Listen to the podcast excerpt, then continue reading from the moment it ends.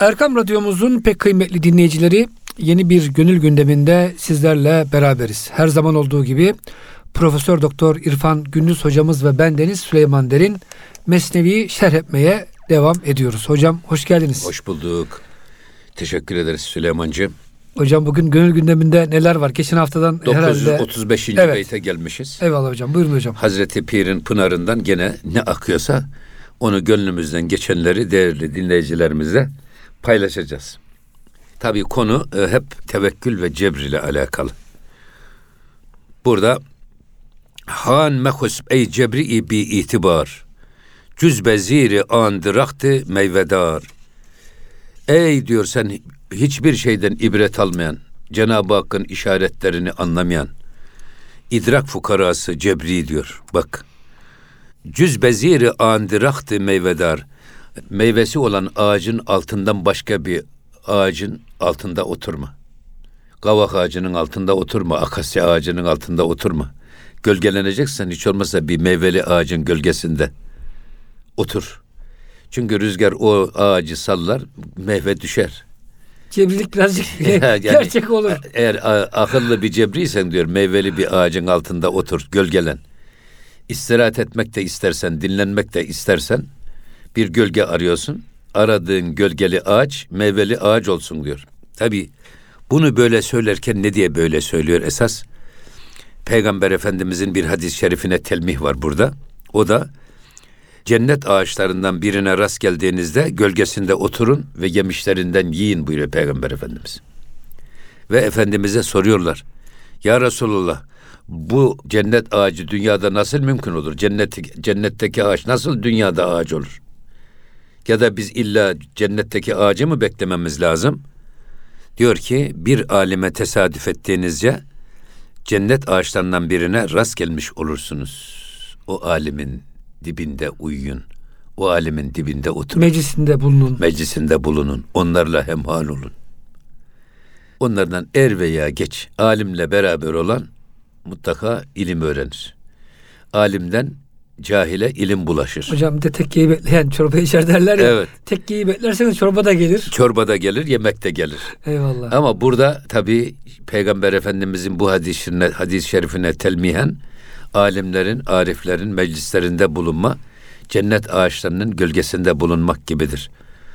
Orada nasıl siz meyveli bir ağacın altında kaldığınızda rüzgar e, salladığında meyve dökülürse öyle veya böyle o ariflerin ve alimlerin ağzından sizin derdinize deva olacak. Gönlünüzdeki o e, soru işaretlerini giderecek sohbetler olur, izahlar olur. Onlardan çok yararlanırsınız. Burada bir, İmam-ı Gazali Hazretlerinin bir şeysi var. Sadece hastalıklar ve mikroplar bulaşıcı değildir. Haller ve huylar da bulaşıcıdır. O yüzden e, Peygamber Efendimiz güzel insanlarla, alimlerle, ariflerle beraber olan, misk satan insanlarla beraber olan gibidir. Onların güzel kokusu sana bulaşır. Ama kötü arkadaşlarla hemhal olan da demirci çırağıyla beraber olan gibidir. Onun isi pası da sana bulaşır. Efendimizin ifade, ifade buyurduğu asırlar öncesi bu realiteyi bugünkü modern psikoloji bunu kişilik yansıması, karakter transferi şeklinde yorumluyorlar. Yani mesela insan arkadaşının dini üzere olur. El meru ala halili dini halili. Ala, ala dini halili. Evet. El mer'u me'ammen ahabbe. Kişi sevdikleriyle beraberdir. Kişi sevdikleriyle beraber haşrolunur. O yüzden burada alimlerle beraber olmak cennet ağacının altında gölgelenmek gibi değerlendirilmiş. Çünkü onlardan seni cennete götürecek sözler sadır olur. Seni cennete ulaştıracak davranışlar sadır olur. Eğer iyi dinlersen sözlerinden, efendim iyi takip edersen hallerinden çok fazla istifade edecek taraflar bulursun. Aksi halde gölgesiz, yani kendisine faydası olmayan hatta mum gibi kendisi eriyip yanıp da etrafını aydınlatan böyle bir şeyler gibi de olma. O tip evet. ağaçların gölgesine bile saklanma ve sığınma. Hocam o konuyla alakalı bir hadis-i şerifi ben hatırlıyorum. İze merartum bir riyadil cenne ferta'u diyor Peygamber Efendimiz. Ya tabi. Cennet bahçelerine denk geldiğiniz, rast geldiğinizde orada hocam e, gıdalanın. Diyorlar ki ya Resulallah nedir bu cennet bahçeleri? Hilakuz zikir. Zikir halkaları diyor hocam. Evet. Demek hocam burada maddi ve ma- daha çok tabii manevi olmakla beraber maddi bile gıdalar var demek ki hocam. Ondan anlıyoruz. Tabii. Şimdi bir de şu var. Burada yani tevekkül mü efendim yoksa cebrilik mi? Teslimiyet mi? E, bu tartışmaların odağında bulunan bir insanın kafası da karışık olur. Yani e, mesela burada şey söylüyorlar. Bu Sinan Paşa bir gün babasıyla yemek yerken Hızır Bey Sinan budalalıkta o kadar o dereceye vardın ki şu tabağın bakır olduğundan şüphe edeceksin. Şüpheciymiş. Sofastaiye diyorlar değil mi hocam? Sufestaiye diyorlar. Yani her şeyin varlığından şüphe ediyor. Her şeyden şüphe ediyor. Bir tek şüphe ettiklerinden şüphe etmiyorlar yalnız. Halbuki Evet. şüphe ettiğinden de şüphe etmiyor. Yani. Ondan şüphe etmiyorsun. Bunun üzerine Sinan Paşa da demiş ki evet biz onu bakır görürüz ama belki başka bir şey de olabilir. Belki pamuktur, yumuşak. Bunun üzerine Hızır Bey e, o sahanı kaldırıp oğlunun kafasına bir vurmuş. Sonra da demiş ki canı acıyan Sinan Paşa e, ay deyince babası nasıl sahanın bakır olduğunu anladın mı demiş Pamuk olmadığını anladım. diye sormuş. Şimdi daha sonra Sinan Paşa bu olay üzerine Evet. Şeyh Vefa Hazretlerine derviş olmuş. Orada Şüphecilikten hali kurtulmuş. değişmiş yani.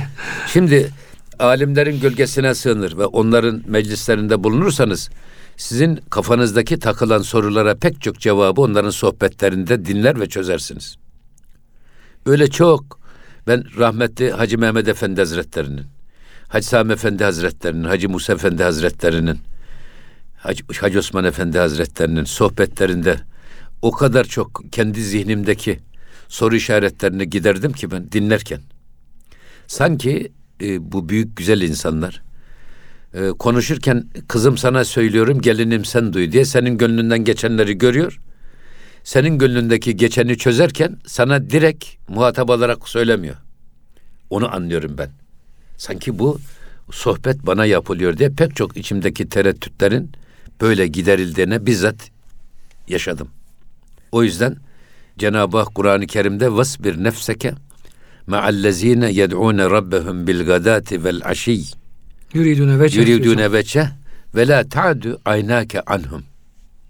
Gece gündüz Rablarına rızayı bari için iltica eden, dua ve niyazda bulunan insanlarla beraber olma konusunda nefsine bastır. Nefsin kaçmak ister. Hoşuna gitmez nefsin Hoşa, varsa. hoşa gitmez bastır. Ve la ta'du aynake anhum. Onlardan bir an bile gözünü ayırma. Çok dikkatli bak. Çok dikkatli dinle. Dalgın dalgın gaflet içerisinde dinleme. Onların her sözünde bir hikmet ve senin derdine deva olacak bir çare var. İyi dinlersen her bunu bulursun.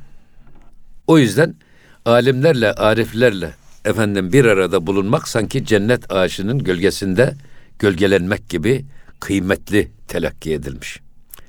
Yani cahillerle gidip ülfet edersen ne olur? Adamın sonu şeytanlığa doğru gider. O yüzden e, güzel insanları, iyi insanları arayıp bulmak. Evvel refik, sümmet tarik demişler mesela. Yola çıkmadan önce arkadaşını iyi seçeceksin. Ev almadan önce komşunu seçeceksin. Bu birliktelik çok önemli bir iş. Aynı mecliste bulunmak, aynı yerde bulunmak, göz göze gelmek. Gözde yakınlık, gönülde yakınlığı gerektirir. Gözden ıraklıkta, gözden, gönülden ıraklığı gerektirir. Hatta hocam e, sufiler eğer fiziki yakın mümkün değilse bunu rabıta ile güzel insanların meclisinde olmayı hocam hayal etmek olarak. Peygamber Efendimiz sallallahu aleyhi ve Manen sellem. onlarla ashab-ı kiram. Evet. beraberliği tabi manen sanki biz Hazreti Peygamberle beraberiz. Veya sanki biz üstadımızın dizinin dibindeyiz. Niye? Biz onların huzurundayken öyle e, sıradan male yani işlerle meşgul olabilir miyiz? Olamayız. Efendim e, bir edep efendim e, durabilir miyiz, davranabilir miyiz? Nasıl müeddep, itinalı bir şekilde oturuyor isek huzurlarında. Manen de bu aynı konumu devam ettirmek, aynı hassasiyeti, aynı çizgiyi devam ettirmeye çalışmak da işte rabıta dedikleri bu zaten. Ubeydullah Ahrar Hazretleri şey yorumlarken Ya eyyühellezine amenü tekullah ve kunu ma'as sadikin. Ey iman edenler Allah'tan korkun ve sadıklarla beraber olun. Bu beraberliği diyor ki bu iki türlü beraberlik var. Bir fiziki beraberlik. Aynı sofrada, aynı sohbette, göz göze, diz dize beraber olmak. Fiziki beraberlik. Ama bir adamın böyle bir kamil bir insanla 24 saat aralıksız beraber olması mümkün mü? Değil. Değil. Ya da ashab-ı kiramın 24 saat aralıksız Hazreti Peygamberle bir arada bulunmaları mümkün mü? Değil. Ha, o zaman fiziki beraberliğin dışındaki Peygamber Efendimizin gıyabında da aynen Hazreti Peygamber'in huzurunda olduğumuz atmosferini kendi zihnimizde, düşünce dünyamızda diri tutarak Allah peygamberinin huzurunda nasıl davranıyor isek gıyabında da aynı davranışı devam ettirmeye çalışmak. Rabıta dediğimiz bu zaten. Bu bağlantıyı koparmamak. Manevi beraberlik dediğimiz hadise de bu. Hocam bir de insan bir şeyi hayal ettiği zaman Allah hocam bu hayal gücünü kullanmak bizim sufilerin biraz daha böyle geliştirdiği bir sistem. İbn Arabi hocam biliyorsunuz o hayal alemine çok ehemmiyet veriyor. Hocam siz bir şey hayal ettiğiniz zaman onu siz yaşamış gibi oluyorsunuz. Yani diyelim ki aklınızda bir şey geçirdiniz. Diyelim ki mesela limonu hatırladınız. Sanki ağzınız solmaya başlıyor. Hatta hocam e, ispat etmişler bunu. Yani beyinde böyle e, efendim ayna nöronları var hocam. Bir şey gördüğünüz zaman, televizyon seyrettiğiniz zaman mesela kötü bir şeyi sanki onu siz istiyormuşsunuz gibi e, kalbinizde ve beyninizde hocam o hücreler aktive oluyor. Amenna. Ben diyorum hocam bizim Türkiye'de şu anda edep ve ahlakın e, hızla bozulmasının sebebi televizyonlar. Abuk subuk filmler. Onlar hocam seyredenler sanki o ortam yaşamış gibi oluyor. Amenna. Kendini Tabii. aynıleştirdiği o kötü mesela oyuncuyu, ahlakı kötü bir gangsteri seven bir adam ister istemez hocam onun hayat tarzını içselleştirmiş oluyor. Ya Süleymancığım Freud'un dediği bir şey var. Evet. İnsanda üç tür kişilik var. Bir tanesi biz id ego diyoruz. Şuuraltı benlik, iç benlik. Bunu bir Allah bilir bir de biz biliriz. Karanlık bir alem diyorlar hocam. Karnımızda 40 tane yılan dolaşır. Hiçbirisinin kuyruğu birbirine değmez. Tilkiler dolaşır. Hiç birbirine bulaşmaz. Cifıt çarşısı gibi böyle gal, allak bullak bir ki- kimlik. Şuuraltı benliği. İki, bir de egomuz var. Ego. Bu da görünen benliğimiz. Bu görünen benlik maskeli benliktir. Biz toplumun bizi e, beğeneceği rolleri oynayarak kendimizi İstediği gösteririz. kendimizi gösteririz. Kendi Hmm. içimizdeki benliği değil. Ama toplumun istediği bir benliği yansıtırız. Maskeli benlik, rol benlik dediğimiz. Ama bir de bir üçüncü bir benlik var. O da çok önemli. O da süper ego dediğimiz ideal benlik. Her yiğidin gönlünde bir aslan yatar. Herkesin erişmek istediği bir rol modeli vardır. Ben böyle olmak istiyorum. Ben futbolcu olacağım ama Maradona gibi olacağım diyor adam. Bu adamın süper egosu kim? Maradona. Ben iyi bir güreşçi olacağım. Kim gibi? Yaşar Doğu gibi olacağım. İyi bir halterci olacağım. Naim Süleymanoğlu gibi olacağım. Allah rahmet eylesin. İdol diyorlar ya bunlara. Evet. Rol model. Süper ego esasında.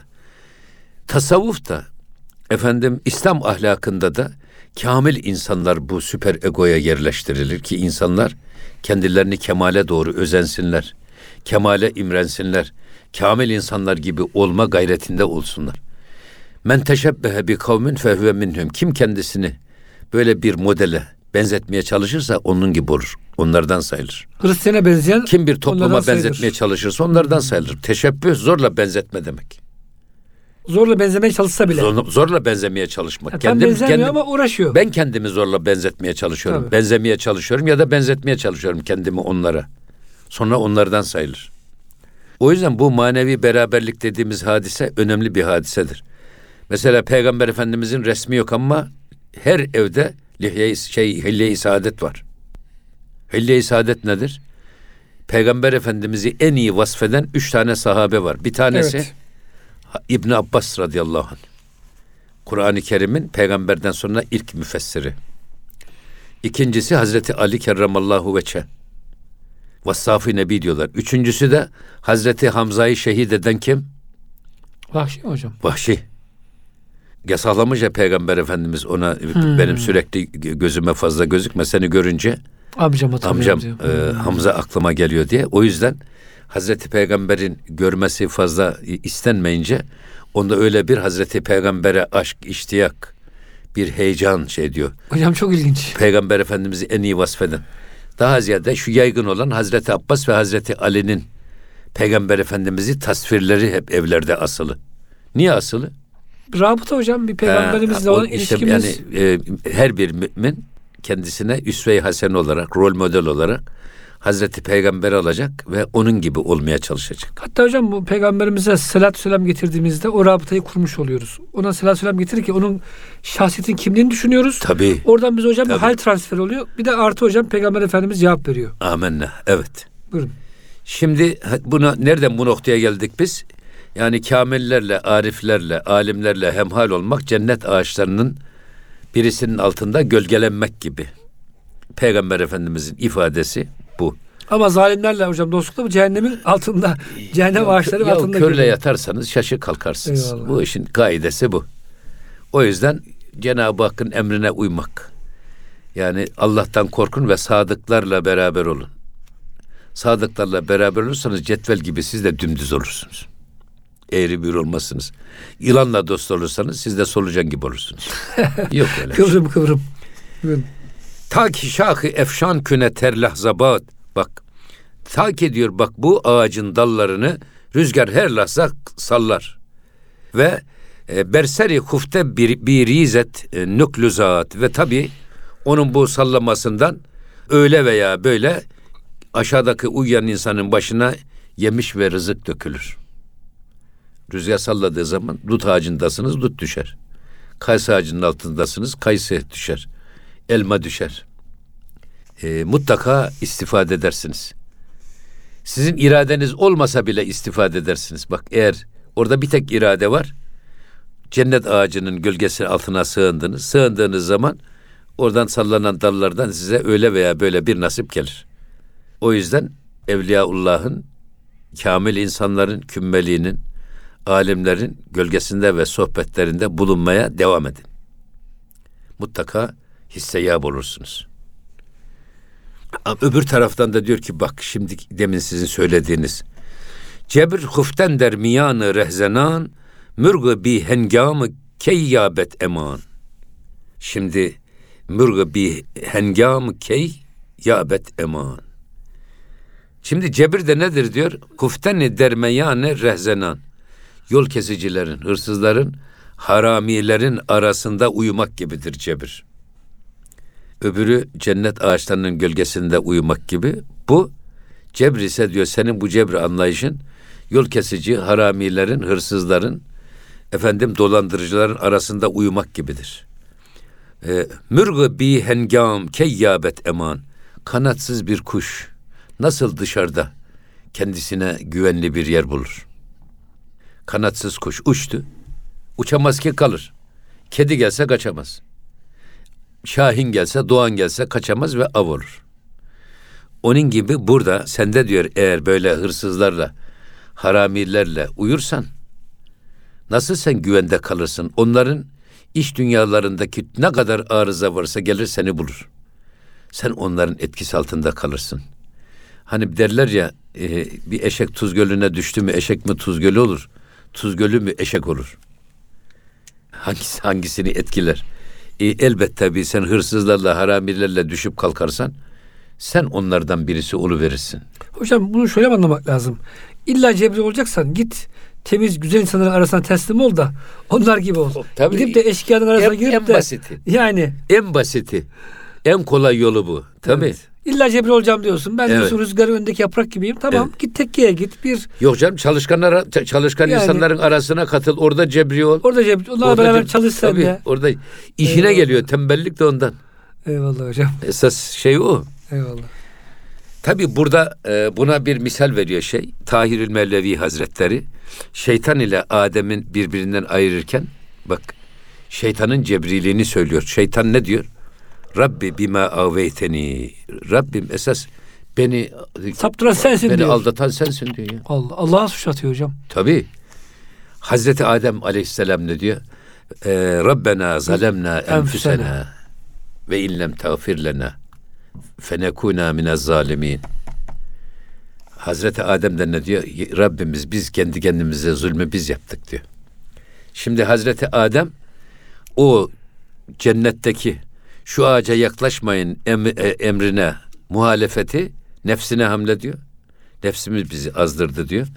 Fakat şeytan ne diyor? Bizi aldatan sensin, yoldan çıkaran sensin. Bizim ne suçumuz var diyor. O cebri oluyor yani şeytan O hocam. cebri. Burada şeytan cebrili. Eyvallah. Hazreti Adem Aleyhisselam da ehli sünnet anlayışını kendi üzerine alıyor kendi hocam? üzerine alıyor ve bu yüzden de affediliyor zaten. Şeytan affedilmiyor. Evet çünkü orada Allah'a şey yaptı hocam. Tabii o daha başka da şeysi de var. Diyor ki Kibir de sen de var, da Adem'i var." topraktan yarattın, beni nardan yarattın. Ben ondan üstünüm. Niye ben ona secde edeceğim diyor. Haset de var. Hepsi var hocam şeytanda. Hepsi yok var. yok. Evet. Ama bunu söylerken e, yine Hazreti Pir'in çok güzel bir yorumu Hocam var. isterseniz e, bir beyit mi okuyacaksınız? Yok hayır. Kısa araya gireceğiz. Sadece şunu Buyurun hocam. söyleyeyim. Geçen beyitlerde hatırlarsınız siz. Orada diyor ki e, melekler e, Hazreti Adem'in şahsında peygamberliğini gördüler. O yüzden secdeye kapandılar. Bu secde bizim namaz kıldığımız secde değil. E, O- saygı secdesi. Saygı secdesi ya da Allah'ın ona yüklediği hilafet görevini biat anlamında kabullenme secdesi. Evet boyun eğmek manasında. Efendim ya da Cenab-ı Hakk'ın yaratacağı yeni bir insan cinsinin sembolü olması dolayısıyla onlara hürmet duygusu. Hürmet. Çünkü yaratan Allah. Melek bunlar bunu görüyor. Ama şeytan Hazreti Adem'i görmüyor. Hazreti Adem'in hilafet tarafını görmüyor. Nesini görüyor? Onun da bu bedenini, şeklini görüyor. O diyor çamurdan yaratıldı diyor. Ben ateşten yaratıldım. Ben ondan üstünüm. Niye ben ona saygı duyacağım? diyor. Böyle bir yorumu da vardı. Eyvallah hocam. Hazreti Mevlana'nın. Evet. Kendisi yaptığı Benim halde suçu Allah'a atıyor. Evet. Hazreti Adem Aleyhisselam ise o da diyor ki ya, ya Rabbi biz kendi nefsimize biz kendimiz zulmettik. Bu yüzden de tövbe ediyor ve affediliyor. Şimdi bunu söylerken diyor ki ver işaret haşra bini zeni merdi pindariyu çun bini zeni eğer Allah'ın işaretlerini diyor e, görüp de ona gereken ehemmiyeti vermezsen ona önem vermezsen aldanan sen olursun. Kendini erkek zannedersin ama diyor aslında e, hakikat gözüyle baktığın zaman bak bir nizeni erkek değil kendinin kadın olduğunu görürsün. Merdi pindari yuçun bir nizeni. Çünkü hakiki erkek olan Allah'ın emrine itaat eder. Rical diyor hocam ayet-i kerime. Tabii. Erler diyor. Evet onun işaretlerini eğer e, anlayıp ona ehemmiyet verirsen gerçek anlamda gereğini yapar ve er- erler sınıfına dahil olursun. Sözünün eri olursun. Yani hocam bu erden kasıt da cinsiyetten çok Tabii, vazifesini tabii, yapan insan. tabii, Yoksa hanımlar da sözün- hocam er olabilir. Sözünde durmak demek. Er gibi er. Heh, sözünde durmak demek. Burada cinsiyet manasına erkek veya kadın değil. Evet. Ama esas erkek olan insan Allah'a verdiği sözde durur. Güçlü insan. Nerede söz verdik biz Allah'a? Elestü bir rabbikum bela dedik. Evet sen bizim Rabbimizsin. Bu sözde duran adam gerçek manada mert adamdır. Sözünde duran adamdır. İster erkek olsun, ister kadın olsun. Ama bir de e, bu- işaretleri ve ib- ibretleri hiç algılamadığı halde, anlamadığı halde, hatta tam tersini yaptığı halde kendisini böyle mert ve erkek zanneden insanlar gerçekte kadın gibidir. Onun farkında değildir.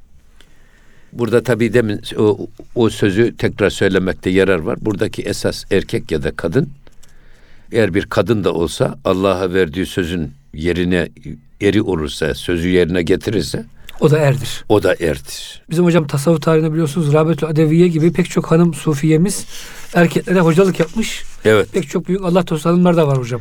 evet. Tabii burada çok güzel bir yere daha geliyor.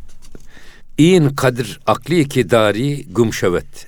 Serki aklezvey bir perret dümşevet. Şimdi burada Allah'ın işaretlerini, ibretlerini, nasihatlarını iyi inceleyip de o hikmetleri kavrayan insan gerçek manada erdir. Allah'ın çünkü hem sadece e, ayetleri değil sadece yarattığı insanı değil kendi gözümüzü, elimizin, ayağımızın hikmetini kavramış ve bunların birer delil olduğunu, çalışmamız, çabalamamız gerektiğine delalet ettiğini anlayan bir adam. Esas gerçek, gerçek mert onlardır. Ama eğer diyor bu şekilde davranırsan diyor Allah sana bir akıl vermiş diğer hayvanlardan farklı olarak. İn kadir, ak, e, kadir akli ki dari gümşevet. Bir paçacık aklın var o da diyor kaybolup gidiverir diyor. Kullanmazsan hocam. Evet. Zaten hocam e, İngilizce bir tabir var. Use it or lose it diyor hocam. Bu beyinle alakalı. Hakikaten hocam ispat edilmiş bir şey. Beyin hücreleri kullanılmazsa hocam yok oluyor. Evet. Kullandıkça beyin hücreleri hocam güçlenip Açılıyor. açılıyor. Kullanmazsanız o şeyiniz tamamen hocam kendi kendine yok olup gidiyor. Kaybolup gidiyor. Ve devam ediyor. Ser ki aklezveyi bir perret dümşevet. Aa, bir, bir kafayı düşünün ki diyor akıl ondan gitmiştir. Aklı giden kafa efendim kafatası dümşevet kuyruk olur. Akıllı artık baş değil artık kuyruk olur. Kuyruk Tabii. olur. Yani- Başkanın peşinden He. gider. İşe yaramaz. Aklı aklı kay, aklınızı kaybettiğiniz zaman o başınız kuyruğa döner. Baş tepemizde mi? Evet. tepemizde. Akıl gitti miydi kuyruk olur. Yani biz e, aklımız bizi yönlendireceğine aklımız da peşimizden gelen yönlendirilen bir varlığa Başkalarının dönüşür. peşinden giden bir varlık gibi. Tabi. Şimdi burada tabi aklı Allah ne diye vermiş? Akıl yönetici. Hatta e, Cebrail aleyhisselamın sırrına masar diye telakki edilir akıl. Akıl. O yüzden akıl bedenimizi idare eder. Duygularımızı idare eder, niyetlerimizi idare eder. E, hatta akıl bir fren gibi her hissimizi davranışımıza yansıtmaz, süzer, bağlar. Doğru olanlarını yaptırır, eğri olanları da eler ve engeller. Aklın esas fonksiyonu budur. Ama akıl bu fonksiyonunu yitirdiği zaman kuyruğa dönmüş olur. Bu sefer akıl hissin esiri olur. Şehvetin esiri olur. Şöhretin esiri olur. Servetin esiri olur. Akıl yöneteceği yerde yönetilen konuma gelir. Allah korusun. Çok önemli bir iş. O yüzden e, akıllı kaybolan baş ancak kuyruk mesabesine düşer. Allah korusun. Bu seve gelmemek lazım. Şimdi yine devam ediyor. Zan ki bi şükri büvet şu muşenar. Mi beret bi şükra ta karinar. Şunu şu, şunu iyi bil ki diyor. Bak şükürsüzlük bu şu muşenar hem ayıp hem de meş'um kötü görülmüş bir iştir. Kusurlu bir iştir. Hatalı bir iştir şükürsüzlük. Yani hocam kulların arasında bile teşekkür etmeyen, nankör bir insan sevilmez. Tabii canım kuluna teşekkür etmeyen Allah'a hiç teşekkür etmez. Evet. Yani biz bize en ufak bir iyiliğe dokunan adama teşekkür ediyoruz. Ya da en ufak bir adama biz bir tarafımız dokunsa pardon özür dileriz diyoruz. Yani bu kuluna teşekkür etmeyen Allah'a şükrü hiç bilmez. O yüzden şükürsüzlük ister kuluna deyin isterse Allah'a hem Fark meş'um ayıp hem de bir kusur telakki edilmiştir. Miberet bir şükür. Şimdi şükürsüzlük insanı götürür. Nereye? Ta karinar. Cehennemin dibine kadar götürür. Cehennemin dibi, narın dibine kadar götürür. Cehennemin dibi dedi mi bizde çok güzel bir yorum yapıyorlar. Cehennemin dibi cennet diyorlar ya. Cehennemin dibine git demekte bile bir şey var. Karşı insana karşı hüsnü niyetimiz var. Cehennemin dibine, cehennemin en alt tabanına git, esfeli safiline git manasını Ha, oradan hocam anlamıyorlar. Cehennemin gibi cennet var da ondan diyor. Eyvallah. Yani böyle bir şeysinde bile, serzenişinde bile, bedduasında bile bir güzellik kokan taraf var. Ama burada şükürsüzlük insanı cehennemin esfeli safilisine indirir. En dibindeki mama tabakasına indirir ve yakar. Hocam bu kafirle küfür aynı kökten biliyorsunuz. Yani Allah'ı inkar eden aynı zamanda küfür ve nankör manasına geliyor. Amenna. Demek ki, Örtmek demek. demek hocam nimeti şükretmediğiniz zaman kefere- yavaş yavaş küfre bir yol gidiyor oradan. Kefere örtmek demektir. Tabii. Kefere. Nimeti örten, şükrü Tabii, örten, tabii. O da e, şükretmeyen. küfranı nimet demek, nimetin üstünü örtüp görmezlikten gelen. Evet. Kendisine verilen nimetleri kapatarak onu kendinden bilen, cebri gibi, Eyvallah. kendinden bilen, Allah'ın bu konuda hiçbir dahlinin olmadığına inanan. Her şeyi ben kendim şimdi- kazandım diyen tipler hocam. Dün gözlük almaya gittim, gözlük. Gözlüğün camını getirmişler işte adam gözlüğün ölçüsünü, ölçüsünü alıyorlar. Kaç defa uğraştırdılar. Bir şeyle program var bilgisayarda. O programa göre bakıyorlar. Sonra bir alette bakıyorlar. Sonra geliyorlar camları işaretliyorlar. Göz bebeklerin geldiği noktayı. Allah Allah dedim ya şimdi bir cam için bu kadar mühendislik uğraşıyor da. Ya bu gözün kendisini ayarlamak için kim bilir kaç mühendis çalıştı acaba? Ya Ya da çalışsa kaç tane mühendis böyle bir gözü yapabilir? bir de hocam bunu bir yağdan yapacaksın. O ayarı o değil mi? ayarı nasıl yapabilir? Ya. Yağ parçası diyor şey. Öyle. Mevlana. Öyle. İnsan gözdür, gerisi leştir. İnsan gözden ibarettir, gerisi leştir. Her şeyi gözden anlayabilirsiniz diyor Hazreti Mevlana. Yalan söyleyen adamı da, doğru söyleyen adamı da. Hocam insanın ruhu sanki gözlere yansıyor da o yüzden Evet. kimsenin gözüne hocam uzun süre bakamıyorsunuz. Evet. Çünkü karşıda bir ruh var. Evet. O ruha da hocam maddi şeyle bakmak kolay bir iş değil. Evet, evet.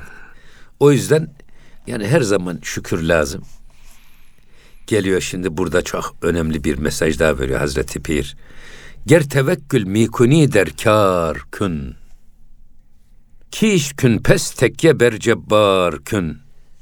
Eğer ger tevekkül mikuni aslan bunu söylüyor. Eğer tevekkül. Eğer tevekkül edeceksen diyor bak derkar te, derkar kün iş yaparken tevekkül et.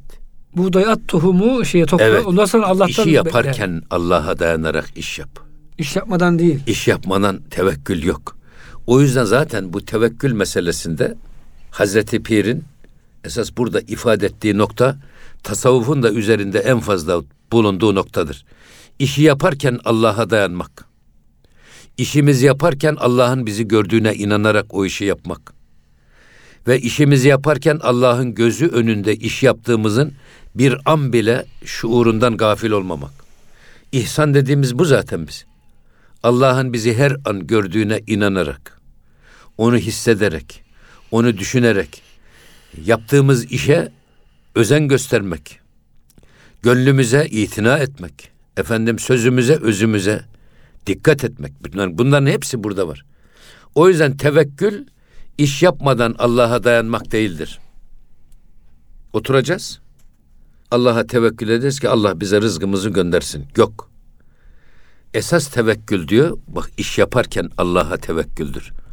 İşi yaparken inanacağız ki Allah bizimle beraber yaptığımızı görüyor.